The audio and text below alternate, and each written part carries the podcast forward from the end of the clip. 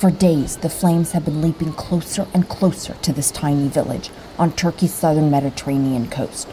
It's as if they're fighting a monster that keeps coming to life each time they dare to hope it's dead. Everything is going to burn, Muzayin Kacha tells us mournfully. Our land, our animals, our house. What else do we have anyway?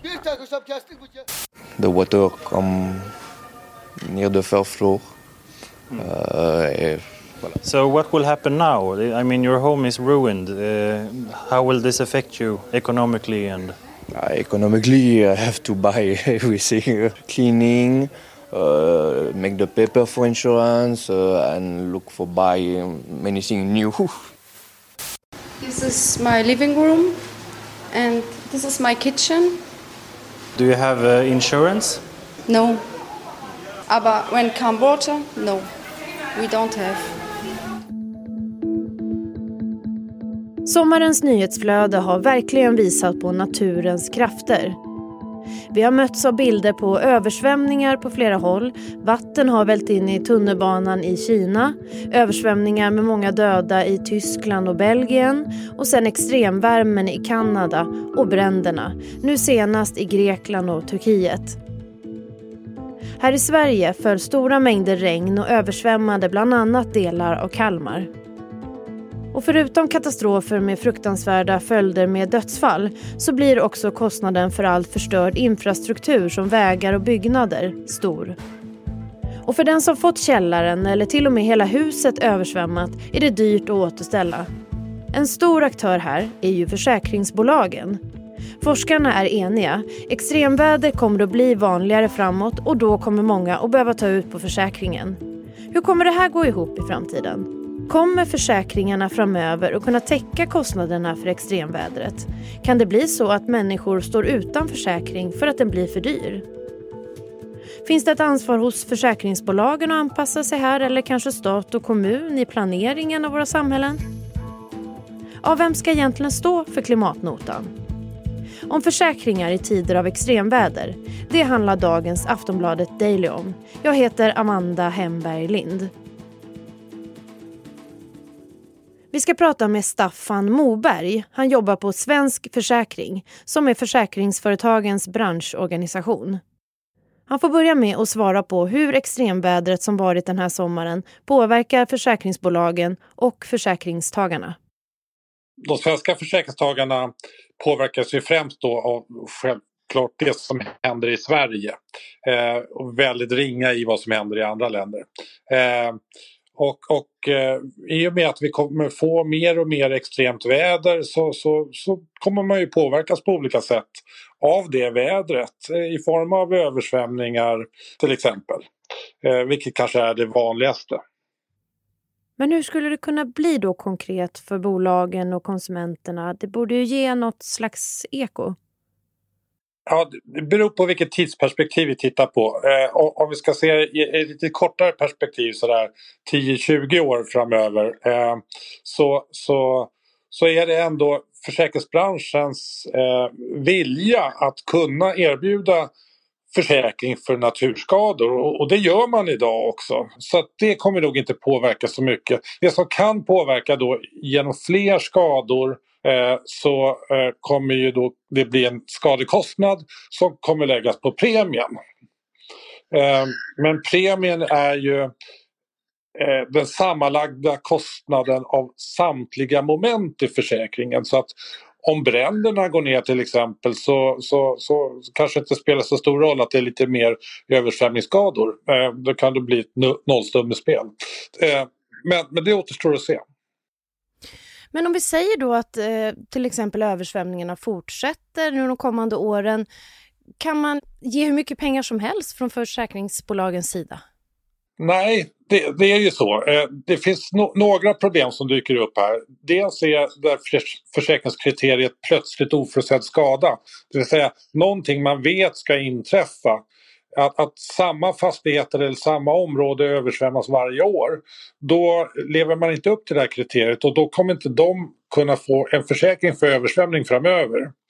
Eh, och tittar vi i längre perspektivet har vi då havsnivåhöjningarna framförallt då som kommer ställa till problem. Sen kan det ju också bli så pass dyrt, just det här momentet, att eh, det är något försäkringsbolag som lyfter ut det och erbjuder det som en tilläggsförsäkring istället. Och eh, får då en konkurrenskraftig eh, försäkring med, med en låg premie istället. Um, så att, så att, eh, men, där är vi inte ännu och, och vad jag förstår så har inget bolag den viljan. Men så ser det ut nere på kontinenten. Där eh, köper man eh, naturskadeskyddet som en tilläggsförsäkring. Och det är därför som man i Tyskland eh, har så låg försäkringspenetration eh, just vad det gäller de här skadorna. Och vad innebär det? Ja, att det, det är få som har eh, eller förhållandevis få som har ett, ett, en försäkring för naturskador. Översvämning till exempel. Då. Ja. Men kan det vara så att vi, vi har levt i en värld, då menar du, att man kan försäkra, har kunnat försäkra sitt hus och, och, och fått den här naturskadeklausulen, eh, hur man ska säga, att det ingår, att man kan känna sig trygg, men att det inte kommer att gå att försäkra alla bostäder lika, eh, på samma sätt i framtiden? Ja, det, det finns en risk för det. Men, men, det är därför vi är aktiva då från, från försäkringsbranschen i de här frågorna och, och vill att man anpassar samhället till de förändrade, det förändrade klimatet. Eh, och, och görs det så kommer vi sannolikt kunna erbjuda försäkring för de allra flesta i alla fall framöver. Du representerar ju försäkringsbolagen såklart, men finns det inte något ansvar då hos eh, bolagen att eh, erbjuda försäkringar så att man inte står där som, som försäkringstagare och helt plötsligt så gäller inte ens försäkring. Finns det något ansvar hos branschen där då eller? Ja, det, det gör det och jag tycker faktiskt man tar det här ansvaret. Eh, man är väldigt duktiga i, i svensk försäkringsbransch på att erbjuda ett brett försäkringsskydd till eh, väldigt många eh, eh, personer det finns nästan inga länder i, i världen tror jag som, som har sånt brett skydd som vi har i, i Sverige. Och, och eh, att det också omfattar då naturskador. Så att, eh, så att vi, vi har tagit det ansvaret tycker jag. Eh, tyvärr så kan det bara gå åt andra hållet nu snarast. Så att, och, och det är därför det är så angeläget med anpassningen. Ja, om vi går in på de anpassningarna då. Vad tycker du måste göras och vilka aktörer i samhället ska göra det? Ja, ansvaret för befintlig bebyggelse ligger på den enskilde fastighetsägaren. Men det är många gånger som den enskilde fastighetsägaren inte kan ta det ansvaret då åtgärderna behöver göras på annans mark eh, för att skydda sig. Eh, så det, det, krävs ju eh, en samverkande med, mellan många fastighetsägare och eh, jag tycker också att kommunen bör ha ett ansvar där som har tillåtit en bebyggelse tidigare och eh, även staten kanske ska vara med också och föreskriva hur det här ska gå till. För det är inte helt enkelt vad det gäller beslutsfattande och finansiering och så vidare. Eh, och vilka nivåer man ska skydda sig emot. Är det, är det så att du är inne på att man måste ta ett större ansvar från kommunernas sida? Jag tänker att man bygger på attraktiva lägen vid, vid vattnet kanske, så kan det bli ja. översvämnat. Man, man kanske beviljar något bygglov som är lite, lite riskfyllt sådär. Är det, är det något sånt du menar? Ja, alltså det, det är en annan del av myntet kan man säga. Att eh, eh, kommunen ibland eh, vill erbjuda attraktiva bostäder och, och, många vill ha sjöutsikt och så vidare. Eh, och då tillåter man bebyggelse Eh, till exempel gamla hamnområden eller väldigt kustnära. Eh, och den bebyggelsen som byggs idag den ska ju stå där i minst 100 år. Och då måste man ju titta på hur ser det ut om 100 år där. Det gör man inte när man planerar utan man kanske tittar 20-30 år framåt bara. Eh, och, och, det är inte tillräckligt. Så att jag tycker ju att kommunerna bör ta ett större ansvar för Eh, en långsiktig planering. Eh, och har man inte gjort det så bör ju också kommunerna få vara med och bekosta eh, de skador och så som inträffar så småningom. Eh, vi, vi, vi, ser ju bland annat idag att man bygger i gamla hamnområden. Eh, och, och, eh, och, om vi ser också att, att havsnivåhöjningarna kanske leder till eh, ett par meters högre eh, havsnivåer på, på drygt 100 år. Så eh, då kommer de här fastigheterna komma under vatten ganska ofta i samband med, med, med eh, pålandsvind och stormar och så. Eh, så det är väldigt olämpligt. Om vi går lite på själva konsumentperspektivet då. Jag tänker, har du något tips hur man ska tänka som konsument om man ska köpa hus eller står i färd med att skaffa någon slags försäkring? Hur, hur kan man då förbereda sig om det här skulle hända en? Går det ens att göra någonting som, som liten konsument tänker jag?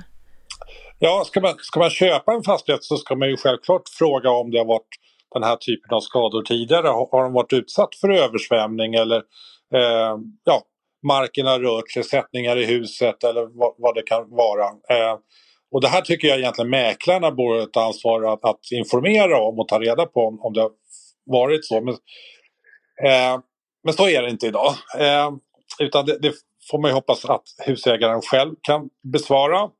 Eh, sen eh, när det gäller nyproduktion så bör man ju också fundera på hur är läget för den här fastigheten?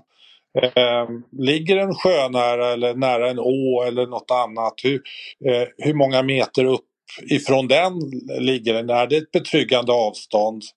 Eh, hur ser det ut med eh, berg och annat bakom? Sluttar väldigt mycket ner mot fastigheten? Eller ligger fastigheten på en liten höjd så att säga så att vattnet rinner runt istället? Eh, om det kommer stora skyfall.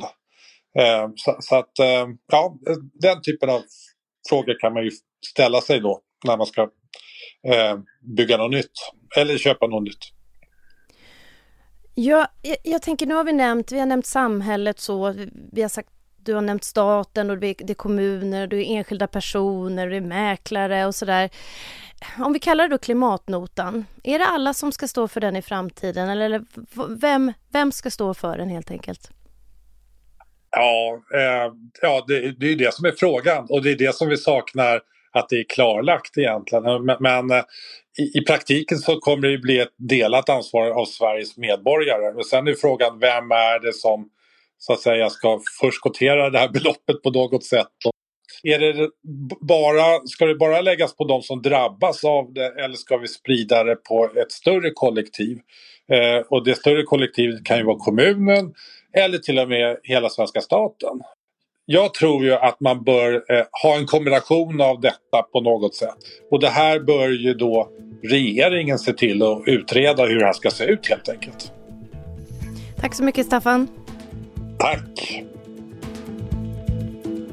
Sist här Staffan Moberg på Svensk Försäkring som är försäkringsföretagens branschorganisation. Du har lyssnat på Aftonbladet Daily. Jag heter Amanda Hemberg Lind och vi hörs snart igen. Hej då. Du har lyssnat på en podcast från Aftonbladet. Ansvarig utgivare är Lena K Samuelsson.